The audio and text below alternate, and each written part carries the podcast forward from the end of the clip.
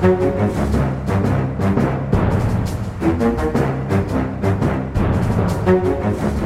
er vi i gang. Det er mandag morgen, og vi har sett nok en episode av NRK-serien Makta. Og det snakker vi oss igjennom her i Aftenpodden. Eh, som bare for en liten eh, spoiler alert, Trine. Mm. Vi snakker jo om ting som, eh, som er vist. Vi snakker om ting som er vist, så hvis du ikke har sett episoden og ikke har lest bøkene og ikke og har lyst til å oppleve spenningen, eh, så må du se episoden før du hører denne episoden. Du trenger ikke å ha lest alle bøkene, altså. Ikke alle bøkene, men eh, nei. Det har ikke vi gjort heller. Nei.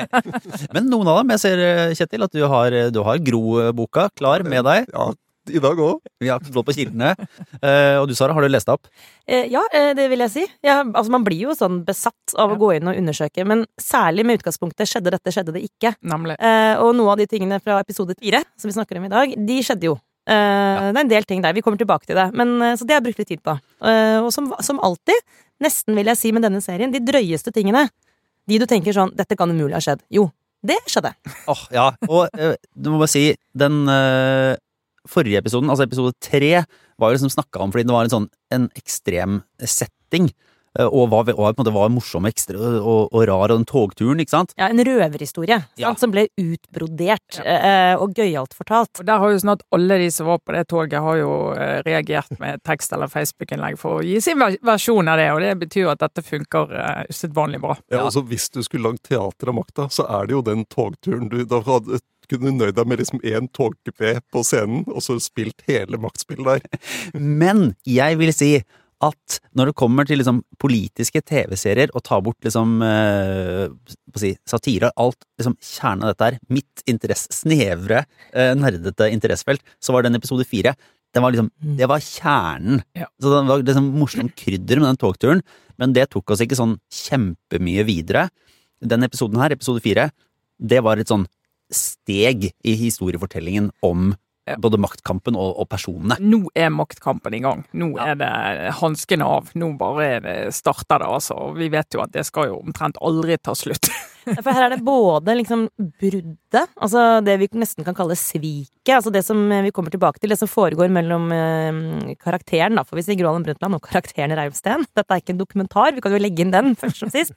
Eh, men liksom den, den eh, konflikten mellom de to, som egentlig starter for fullt i denne episoden, det bruddet kommer nå, og den påfølgende maktkampen, del én av den. Mm. Dette skal vi jo følge nå i flere episoder, men det er nå det virkelig spiller seg ut. Dette er maktkamp i ren essens. Uh, ja. Og så tas det valg, ikke sant. Man gjør, noen gjør grep for å sikre makt, eller eh, dytte noen andre unna. Og det er jo, her er vi jo midt oppe i nyhetsbildet. Erna Solberg har akkurat kom, eh, sagt på pressekonferanse at hun blir sittende. Hun er- vil være statsministerkandidat om to år. Det er et maktgrep. Fridtjof Jacobsen i sin podkast som han har i Dagens Næringsliv, han sa, kan jo sitere han, eh, at uh, tittelen på serien, Makta, det gjør seg. Og det er jeg enig i at denne episoden her viser at makta er en faktisk størrelse. Mm. En slags, Se for deg en fotball på en svær fotballbane som du slåss om og hele tiden har kontroll på. Eh, og da må du, Kjetil, eh, som du var inne på, eh, innimellom ta noen grep. eh, som da skjer i virkelighetens verden hele tiden. Men som vi ser, da, mange forsøk på i akkurat denne episoden, og det er så gøy. Men altså, eh, bare for å si det, katalysatoren i eh, både liksom dette liksom, politiske skiftet og episoden er jo altså valgvaka i 79. Og det, man skulle jo ikke tro det er sant, men Reiulf Steen har vært i Sverige. Også veldig rart, for han har vært i Sverige på, en måte, dagen før valg. Altså, Men det var valg i Sverige. ja, jo, det er nå så, men det var valg i Norge òg, da! Husk skulle tro det var viktigst. og, og, og kommer seg jo da ikke eh, hjem til valgvaka. Vi kan jo bare starte. Nå har vi gått eh, langt inn i eh, på det økt eh, production value på denne podkasten. Eh, for nå kan vi da høre et lite klipp fra da Gro Harlem Brundtland får på en måte beskjeden om at uh, om at Reiulf Steen bare ikke kommer til å dukke opp. Og det her er så bra. Det verste kommunevalget i partiets historie, og han legger drita full på Fornebu. Så må jeg sitte der! Du kommer til å klare det kjempefint. Ja, ja. dette handler ikke om om jeg kommer til å klare det eller ikke. Det handler om at han burde sitte der. Han må være på jobb.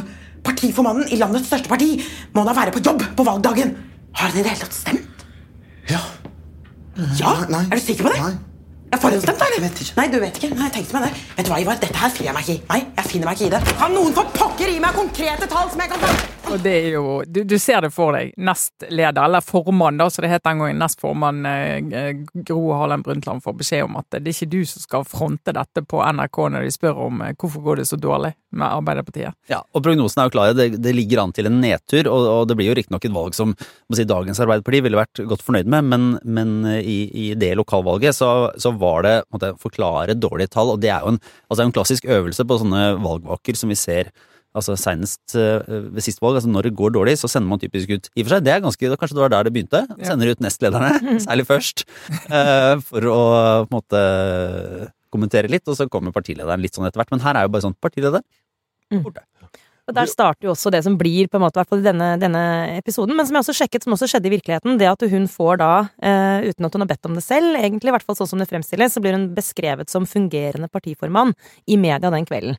Noe som også, også skjedde, og det intervjuet med Herbjørn Sø... Nei, uh, Her ja. ja uh, som blir gjort når hun sitter i stolen, det er helt sånn ordrett slik det faktisk også utspilte seg den kvelden. Og det er klart, det her får jo konsekvenser for hennes relasjon til Reiulf Steen, hvor hun sitter der. Men hun er jo akkurat på dette tidspunktet i episoden egentlig sånn kork i vannet. Altså, hun kontrollerer jo ikke eh, disse omstendighetene. Her blir hun bare kastet utpå. Den episoden med Reulf Raulf Steen som ikke kommer seg på valgvake, det, altså, det, er jo, det, er jo, fakta. Historiske fakta her. Eh, og for mediene så var dette her en liten nøtt. Hvordan skulle de forholde seg til altså, De fikk jo inn informasjon om at Reulf Steen hadde vært uh, full på flyet. Eh, og hvordan skulle de omtale det? Hvordan skulle de forholde seg til det? I boka si så skriver Gro Harlem Brundtland om hvordan hun fikk eh, Per Norvik fra VG inn, som, ville, som liksom var der for å snakke hva er det riktige av oss presseetisk nå å omtale, er det et alkoholproblem? Altså, som hun opplevde som at her var Norvik på en sånn fisketur for å få en bekreftelse. Og så, og så er det interessant hvordan hun behandler det temaet i sin selvbiografi der hun viser til at han, han, Raulf Steen ble jo spurt i et intervju i VG uh, om det, det, de hadde fått høre, og sier, da svarte han at uh, han hadde disse ryggsmertene og tok smertestillende midler. Så han innrømmet ikke noe om alkoholbruken da, men så viser hun da i neste avsnitt til Men i den uh, selvbiografien Steen ga ut i 1989 som et maktkamp, så skrev han at pillene i kombinasjon med alkohol må ha vært rene dynamitten. Så hun bruker ham mot seg selv. Det er også fint uh, i, i, hele det der makt, uh, si, makta og historiefortellingen. Da, Serien baserer seg på, på, på, på sannhet, løgn og dårlig hukommelse, men at alle de som har skrevet bøker Det er også fint at allerede da i boka til Gro der, så er det på en måte en sånn referanse til både det som ble sagt først, og det som er skrevet i en annen bok. I den derre kampen mellom, mellom de ulike um, Men det du skjønner, da, det er at hvis du er politiker i det partiet, sentralpolitiker, du må skrive din bok på et eller annet tidspunkt. Hvis ikke er det alle de andre som forteller din historie. Ja. Da blir du hengende der. Det var den gangen bøker fungerte som podkaster. Alle bare kommenterte hverandres podkaster i sin egen podkast. Men, eh, men, så, for dette her er jo liksom, denne historien her eh, om at han ikke kommer på valg, og alt som har skjedd, som er fantastisk. Men sånn som jeg opplever denne her episoden, episode fire, så er det først den scenen når han faktisk kommer på partikontoret, Reiulf Steen, og snakker med Gro. Og fram til nå så har jo Gro på en eller annen måte vært kritisk, og vært oppgitt. Vi har sett at hun har reagert negativt på hans oppførsel, men, men sånn som det blir fremstilt i serien, så er de sånn halvveis egentlig lojale mot hverandre fremdeles. Hun er fortsatt en lagspiller. Gro Harlem Brundtland sin karakter. Men, men, så, den samtalen mellom de to på hans kontor, den tenker jeg, der er bruddet. Ja. Det, er der, det, er der, det kollapser. Og her er det bare en, en liten detalj som, eh, som, jeg, som, jeg, liker godt, og det er jo fra, fra serien. Ikke, altså det vet vi ikke om har noe med, med virkeligheten å, å, gjøre, men jeg kan bare høre den, det er et litt lengre klipp, men særlig starten, som bare det på en måte liksom kommer inn til, det er på en måte den mest vil jeg tenke, også den mest provoserende delen av Gro Harlem Brundtland, som han overhører her. Ja, jeg skjønner. Ja, vent litt, la meg bare sjekke her. Nei, det er bare rot her, skjønner du. Ja, vent. Nå ser jeg det. Ja, jeg går gjennom det med det samme og ringer deg opp igjen. Ja, fint. Hei. Det er irriterende. Ja. Har du flytta inn her, du? Jeg måtte følge opp noen av oppgavene dine. Kunne ikke vente? Nei. Du visste at jeg bare skulle være borte noen dager? Nei, det er ikke særlig lett å vite når du bestemmer deg for å dukke opp og ikke. Beklager. Jeg jeg klarte knapt å holde meg på beina. Ynkelig. Du satt og drakk med Førde noen timer før flyet deres skulle gå. Hadde ikke noe med det å gjøre. Det er uansvarlig. Det går utover oss andre, og det går utover meg.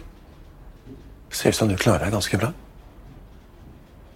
Og så når du endelig kommer tilbake hit, etter å ha latt meg sitte der med nederlaget, så er du gretten for at jeg bruker kontoret ditt. Istedenfor å si unnskyld. Istedenfor å si takk for at du steppet inn. Skal jeg takke deg for at du utnytter mitt sykefravær til å posisjonere deg? Det er ikke jeg som bestemmer hva avisene skriver. Den fungerende partiformannen er fullstendig kapabel til å svare at hun støtter sin formann i sykefraværet. Jeg støttet deg i sykefraværet tidligere. I den tro at du gjorde ditt beste. Det tror jeg ikke lenger. Men du skal få tilbake kontoret ditt. Gåsehud. Du skal få låne kontoret ditt. Ja, Det var bruddet. ja der er det bare Og den der er jo Jeg vet ikke hvordan, hvordan hun skriver om det, men det, de gjorde, gjør det jo fint sånn som en dramatisk øyeblikk, da, for da er, liksom, er det bare bunnpunktet. Her er det ikke noe eh, Ja, troen er borte, liksom. Nå, nå er det. Og den frustrasjonen du kan si, En kan anta fra noen som er liksom Du har måttet eh, ta grep og har liksom måttet ta ansvar fordi noen andre ikke har levert, Mm. og ikke får noe igjen. Den er jo, jeg kan skjønne, det er en sånn eh, den litt, den enkel, men ganske sterk katalysator for at for en sånn følelse av skuffelse, da. Ja, og det er ikke alltid at det er en kvinne og en mann i disse rollene, men det er ikke så sjelden heller. Men, så, den, men ja. jo, ja, og så er det jo interessant denne eh, litt sånn subtile markeringen av de forskjellige personlighetene når hun kommenterer hvor rotete det er på kontoret hans. Og du, du skjønner da at før samtalen begynte, for hun er jo i en annen telefonsamtale, før samtalen mellom de er begynt, så har hun allerede sendt en eh, pil i hans retning som sikkert har gjort at han blir enda surere når han går inn i den uh, samtalen. da. Du skjønner begges uh, reaksjoner. Det syns jeg også er godt uh, håndverk i serien. fordi jeg vil si, altså, Man kan diskutere så mye man vil om disse figurene er rettferdig fremstilt i forhold til hvordan det var i virkeligheten osv., men hvis vi ser på det bare sånn innenfor seriens rammer, da, så er jo Reiulf Steen et, en karakter som skapes eller fremstilles veldig menneskelig, og det er ikke vanskelig å forstå at, at han nettopp har den reaksjonen nå, ikke sant?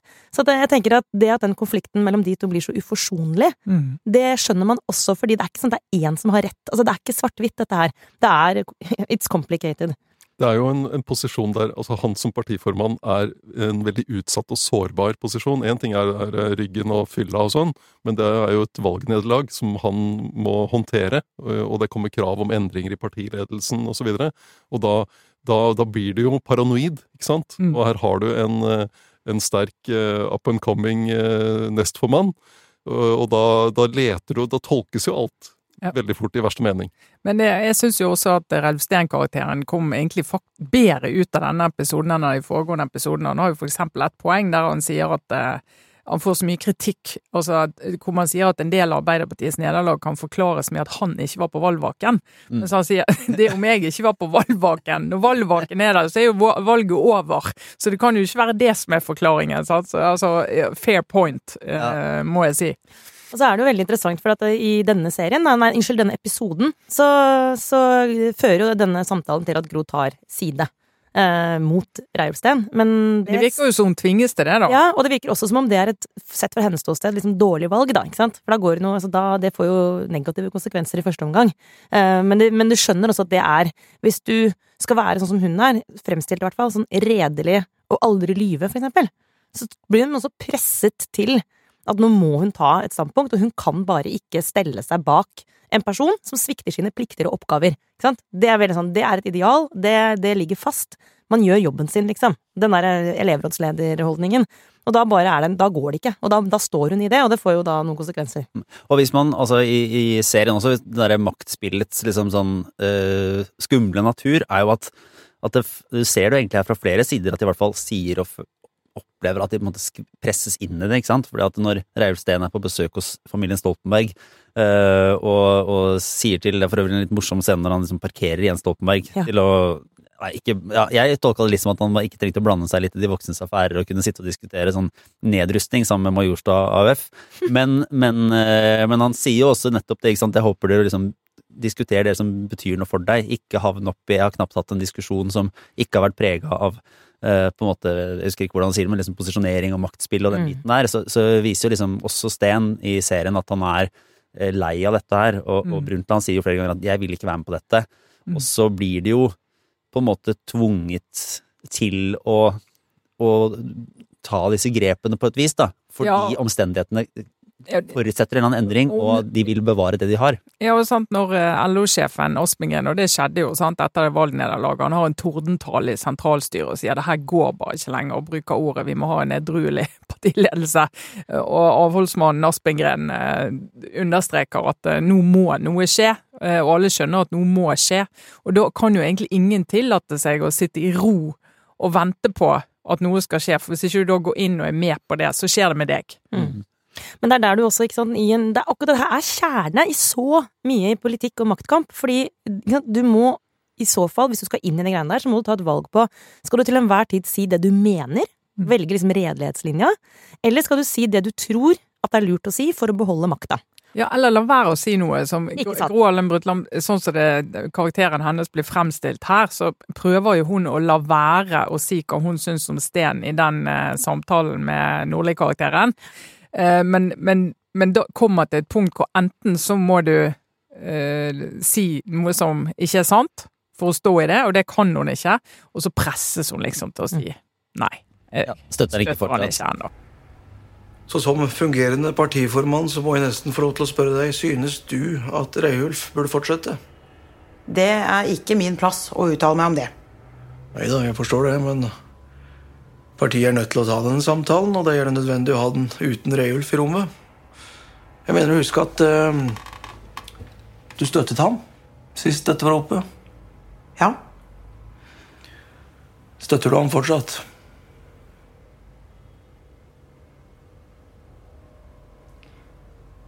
nei. Støtter ikke Støtter fortsatt. ikke ennå. Og i første omgang så virker jo det som at det å velge liksom redelighetslinja, og ikke spille spillet, det fører til hennes eh, på kort sikt liksom nederlag, da. Fordi det brukes mot henne, ikke sant. Ser den scenen, hun presses til å si nei, og så ser vi jo etter hvert hvordan det utvikler seg, at det, akkurat det, at hun da valgte å ikke støtte Sten, det får Sten vite, og da ruller ballen og ender med at hun tilsynelatende taper, da. Du vet hun vil ha deg ut. Hun satt der du sitter. Jeg spurte henne rett ut om hun vil at du skal fortsette som formann. Vil du vite hva hun svarte?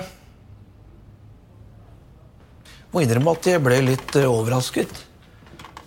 Jeg hadde en forventning om at det lå en lojalitet der. Jeg tror ikke lojalitet er noe begrep Gro har noen dypere forståelse for. Jeg spurte ikke hvem hun synes burde ta over, men Nei, Hun vet veldig godt hvem hun syns burde overta. det er mitt inntrykk også. Ja, hva er det dere vil meg? Jeg vil be deg tre inn i regjering.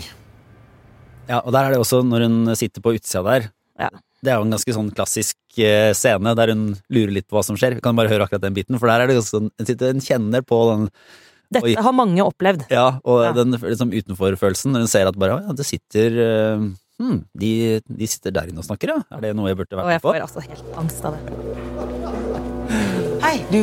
Jeg må bare sjekke at jeg ikke har gått eh, glipp av noe. Det er ikke noe møte her nå jeg skulle ha vært med på? Nei, jeg tror ikke det. Det med Ivar og Reiulf, mener du? Ja. Nei, du, jeg har fått streng beskjed om at det ikke må forstyrres, så Men skal jeg høre med dem? Hei. Hei. Har dere hatt møte? Ja, vi har hatt et lite møte. Et lite møte. Hun skriver jo om dette her. Altså, hun ble overhodet ikke tatt med på råd. Men jeg tror partisekretæren ble det, altså Ivar her, og at LO-lederne var, var med. Så hun var jo helt på utsiden av når da partiformannen og statsministeren og LO-lederen og partisekretæren diskuterer hvordan regjeringen skal ommøbleres. Som jo er et grep fra, som hun da beskriver, som eh, et grep fra, fra Oddvar Nordli og Ralf Steen for å prøve å bevare makten de, de jo delte på det tidspunktet, det delte lederskapet. Men altså, på, eh, Nordli har vel i ettertid forklart, eller brukte vel også, at, at det ikke vil være helt sånn på sin plass å ha eh, både måte, leder og nestleder i regjering. Er det en tenker det, Er det en forklaring som holder i Altså, nærheten av vann? Det går an eller å, forstå at han sier For det, eh, Reiv Steen var jo den gang ikke i regjering, mens det var jo eh, Gro. Og da blir det jo litt sånn, skal du sitte og diskutere eh, befolkningen i ledergruppen din med en av de som sitter i ledergruppen din, eller skal du diskutere det med de fra utsiden og de som har en posisjon som tilsier at de har deres mening har større vekt, da, i akkurat den diskusjonen. Så det går an å forsvare den logikken. Og så har du det andre poenget som Oddvar Nordli bruker der, det at eh, hun er en uh, mulig neste statsminister. Hun må lære seg Stortinget. Det er, Det er, det er et helt reelt argument. fordi uh, hvis du ikke skjønner hvordan Stortinget fungerer, så er det lett å tabbe seg bort, rett og slett. Så det, og det, det var jo da i de tolkningene den gang var, så var det så sprikte. Det ene var sånn Gro på statsministerskole, og det andre var sånn Gro satt bort i et hjørne. Og, og, det, det hun skriver selv, da, var at hun ikke var i tvil om at Reiulf nå så på meg som en alvorlig konkurrent, og at han var mer enn glad for at jeg kunne plasseres mer i periferien enn før. Ja, Der er det for øvrig. Det, satt, det, det, det kontoret, det er, det er For dramatisk effekt så har de dytta det ned i kjelleren eller et sted som, som ikke er et vanlig kontor på Stortinget. Sånn. Og der kom jo da eh, redaktøren i Arbeiderbladet inn, eh, eh, Jacobsen, Arvid Jacobsen. Og der kan man jo for da tenke på at Frode Jacobsen, som nå sitter i kontrollkomiteen og griller Erna Solberg og sånn, er eh, hans sønn. Er det det? Og apropos Majorstua AUF, som jo det var en fin liten referanse til i den scenen med Jens Stoltenberg. Hvem er det som er utenriksminister nå, av bakgrunn i, fra Majorstua AUF? Espen Espen Barth Eide. Eide. Reiulf Steen spør jo i den samtalen med Oddvar Nordli i serien om Påpeker jo det litt sånn poenget at han da som statsråd i den regjeringen rapporterer til statsministeren, Ja. som han er partileder for. Ja. Så hvis man først skal begynne å liksom, ha et veldig sånn eh, prinsipielt eh, forhold til hvordan liksom, maktstrukturer i den ledelsen, så har de jo allerede hoppa over en Ja. litt komplisert situasjon hvis eh, når partilederen skal rapportere til statsministeren, som rapporterer til partilederen. Altså, og de, men det som er så herlig om den eh, scenen her, da, det er at liksom, egentlig er jo Sten og Nordli, både i serien og i virkeligheten, de er jo egentlig motstandere. Konflikten har jo gått mellom de to, de to fløyene. Men hva er det som kan forene to som egentlig er motstandere? Jo, det er at det kommer en ny motstander inn. Ja, og, og enkelte begynner å snakke om at kanskje vi skal ofre begge de og få en leder og få sving på dette her. Og da finner de kara sammen, plutselig, og da sitter de sammen for å dytte henne ut. Og jeg må bare også si at liksom, det er så mange paralleller til virkelighetens verden. En ting er at Nordli sier 'jeg ville ikke brukt akkurat de ordene' til Gro i en genial scene på hans kontor. Noe annet er jo at for eksempel Hadia Tajik har jo skrevet og uttalt at den ukulturen Altså hun har omtalt en ukultur i Arbeiderpartiet, hvor det foregår møter som ikke, er, ikke det er kalt inn til, og som ikke alle som bør være til stede på, har blitt invitert til, og har beskrevet følelsen av uformelle samtaler som foregår på lukkede rom, hvor hun ikke har vært til stede, og hvordan det oppleves som veldig uredelig, og gjør det veldig strevsomt og slitsomt å jobber jobbe profesjonelt i partiet. Og det er jo akkurat det samme som skjer her. Sant? Noen har snakka sammen, og det får helt reelle konsekvenser i virkeligheten, og folk som burde hatt en stemme, blir bare fratatt den. Men, men, men igjen, da, så hvis du skal se det fra, fra det andre ståstedet òg, sant, altså du ser Bjartmar Gjerde-figuren, og her må jeg bare rette meg sjøl, for jeg kom jo til å si at han hadde en slepen nordlandsdialekt, fått kritikk fra mine venner på Sunnmøre. Ikke Nordland, det er sunnmørsk, selvfølgelig. Eh, men i hvert fall, sant, han, han eh, karakteren sier vi, er partiet tjent med å ha en akademiker fra, som har gått på Harvard. Mm. Og jeg tenker Arbeiderpartiet i den fasen der, med de partilederne de hadde hatt, og så er den profilen der, det tror jeg de oppriktig var bekymret for hva klangbunn det ville ha ute hos velgerne.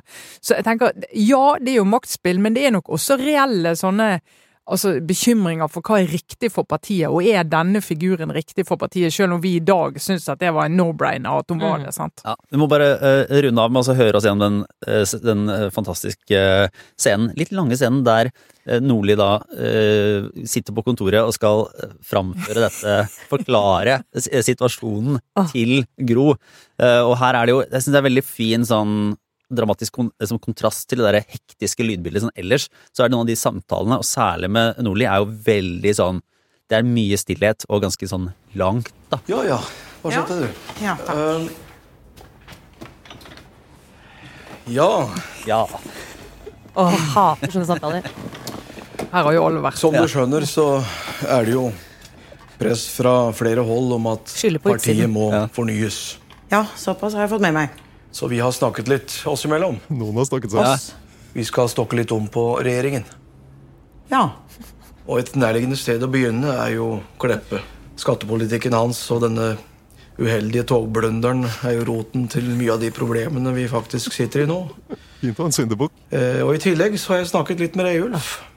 Han kommer til å tre inn som handelsminister. Det er jo denne ideen om at vi er splittet. Ideen. Og vi føler at det å inkludere formannen i regjeringen kan bidra til å motvirke dette inntrykket noe. Har Eilf gått med på det? Ja visst. Ja, da Han forstår jo veldig godt hvilken situasjon vi nå befinner oss i. Jeg skjønner. Ja, det høres jo for så vidt ut som en slags løsning. Men neste gang hadde det vært fint om dere også inviterte meg med til disse møtene. Ja da. Det var eh, bare litt sensitivt. Det er jo en større kabal som måtte gå opp, dette her, så Ok, er det flere? Når Røyulf først skal inn i regjering, så var det viktig for ham å også få med seg noen av sine nærmeste. Eh, og selv så har jeg også hatt noen tanker om stemmer som kan friske opp, så ja, det har vært litt frem og tilbake. Bare menn. Hvem er det som kommer inn? Ronald Bye har vært ønsket. Vi tror at eh, partiet har savnet hans tydelighet. Og i tillegg så hadde Reiulf sine krav. eh, Førde, Rønbeck, Thorvald Stoltenberg. Interessante nye stemmer, for så vidt. Ja. For så vidt. Men de må jo også ha sine poster. Og det var bred enighet om at Thorvald han vil gjøre seg godt i Forsvarsdepartementet. Hvilket betyr at vi må flytte Rolf til et annet departement. Så satt vi igjen til slutt med en ganske så interessant tanke. Det er så dårlig gjort å Du fremstille det sånn. er jo veldig populær Det er blitt. så bra spillet, så er så hard i blikket. Han Skulle tro på VG, så skulle du allerede vært statsminister. Og vi tenker jo at dette her, det er noe vi må ta på alvor. Jeg blir så forbanna jeg, når jeg hører på han. Men er det noe jeg har satt pris på i mine år i denne stolen, så er det at jeg har erfaring fra stortingsgulvet. Det har jo ikke du. Nei? Nei. Så i den forbindelse så tenker vi at det gjør seg for deg. Med litt erfaring der nede på bakeplan. Og at det derfor kan være gunstig for hele partiet at du ikke blir med i den nye regjeringen. Jeg er ikke med. I regjeringen som presenteres for pressen i morgen, så vil ikke ditt navn bli nevnt, nei. Rolf Hansen tar over som miljøvernminister. Du sparker meg fra regjeringen. Jeg ville vel ikke brukt de ordene. Det er jo i det store og det hele et eh, kompliment, dette. Du har en stor framtid i partiet. Men selvfølgelig, hvis du tenker at det å jobbe på Stortinget blir litt for smått for deg Og der kommer ringetonen, og der begynner en ny ikke sant, Ja. fase i denne serien. Den scenen der, den, den eh, Det var dirrende spennende. Den brukes i sånn kurs i medarbeidersamtaler. tror jeg. Ja, jeg. tror alle har vært der når du har den første vanskelige samtalen som sjef. Så, så gjør du akkurat det han gjorde der. Rygger inn i alt. Du rygger inn i det og tenker at Og du tenker jeg må bare snakke med varm, og så sitter det en medarbeider og tenker hvor skal vi nå? Du legger ut kanskje sånn Du er jo veldig flink, og alle mange som liker det du gjør, Ja. men eh, men uh, ha det. Men jeg må si, det her, altså, som, som nevnt i første runde her, så det her er jo fø, altså, betydelig før min tid. Det hadde ikke, dette her hadde ikke jeg fått med meg at det var en Altså, den svingen her hadde ikke jeg registrert om, eh, om Gro Harlem Brundtlands karriere. Så den Jeg satt liksom jeg satt i eh, spenning og ante, på en måte, men det var ikke sånn, var ikke 100 avklart eh, gjennom der hva som skulle skje. Jeg bare sånn her, Hæ, jeg ble jo statsminister? Hvor interessant. Blir en statsminister nå? Så, nei, nei, nei. nei. Nå snakker vi rock bottom. Ja. Så her denne episoden eh, slutter, så har hun tilsynelatende tapt. Vært en maktkamp. Eh, hun har blitt tatt rotta på. Den omrokeringen i regjeringen skjedde også helt reelt uten at hun var informert, og det var et veldig sånn brått grep. Eh, og der sitter hun i kjelleren på Stortinget og må liksom Nå må hun enten liksom hoppe å si man up og, og legge en plan for hvordan hun skal komme tilbake, eller så er hun egentlig ferdig. sant? Og det aller siste som skjer, er jo på en måte det blikket inn i eh, kamera, som i hvert fall for meg tilsier at hun bare sånn Ok. Eh, nå skjer det ting. Og det er her vi er akkurat nå i Arbeiderpartiets historie òg, ikke sant? Det har vært et elendig kommunevalg. Og det er skjedd fornyelser i regjering for å prøve å få et nytt lag og ny giv for Jonas Gahr Støre, da med to nye nestledere og nye statsråder. Og så er det noen som sitter på Stortinget og sikkert lurer på skal jeg gi det en ny runde i Skal jeg gi Gro? Den nye Gro? eller er jeg parkert? Eller, eller kanskje de sitter i Trøndelag. Og ser inn i kamera. Nærmere tenker bestemt Nidaros. nå er det mulig å gjøre noe. Nå gir jeg ut bok, Ja. og så får vi se åssen det går. Eller melde meg på et reality-program. Ja, nei, men uh, vi nå øh, vi, Jeg gleder meg allerede til neste episode.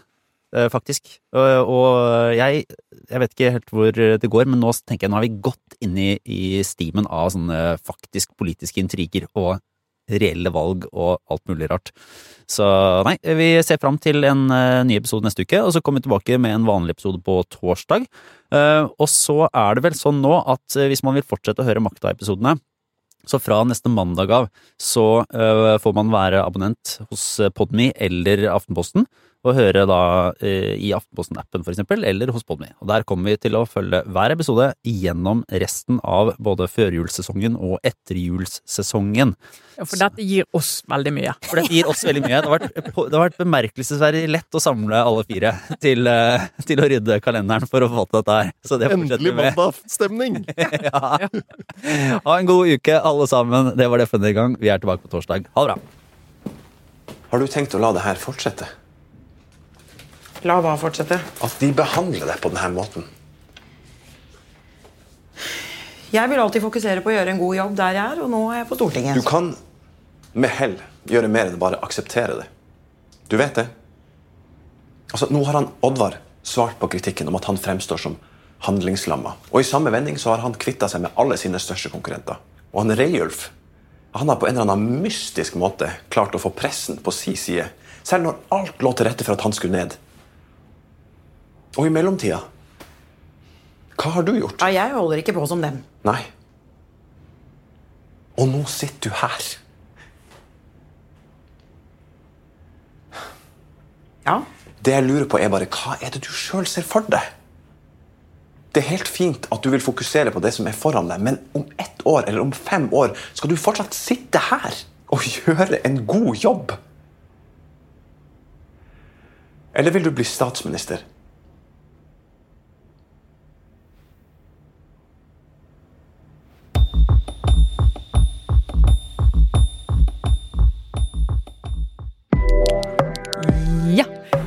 Det finnes spørsmål som ikke er så enkle å google eller chat-GPT seg fram til. Typ renta. Hvorfor må den absolutt opp, opp, opp? Finnes det ingen andre løsninger? Og kan klimakrisa overhodet løses i et demokrati? Og hvorfor straffer vi folk til fengsel selv om de ikke har gjort det med vilje? Som han vaktsjefen på fregatten Helge Ingstad. Hva er poenget? Jeg heter Marit Eriksdatter Gjelland, og i denne podkasten Dypdykk nerder jeg og kollegaene mine på tema som former tida vi lever i. Mest fordi vi bare er genuint nysgjerrige og fant ingen svar da vi googla, men også for å gi deg en helt ny innsikt og ta med til bordet neste vennepils. Sjekk ut Dypdykk i Aftenposten-appen eller hos Podme.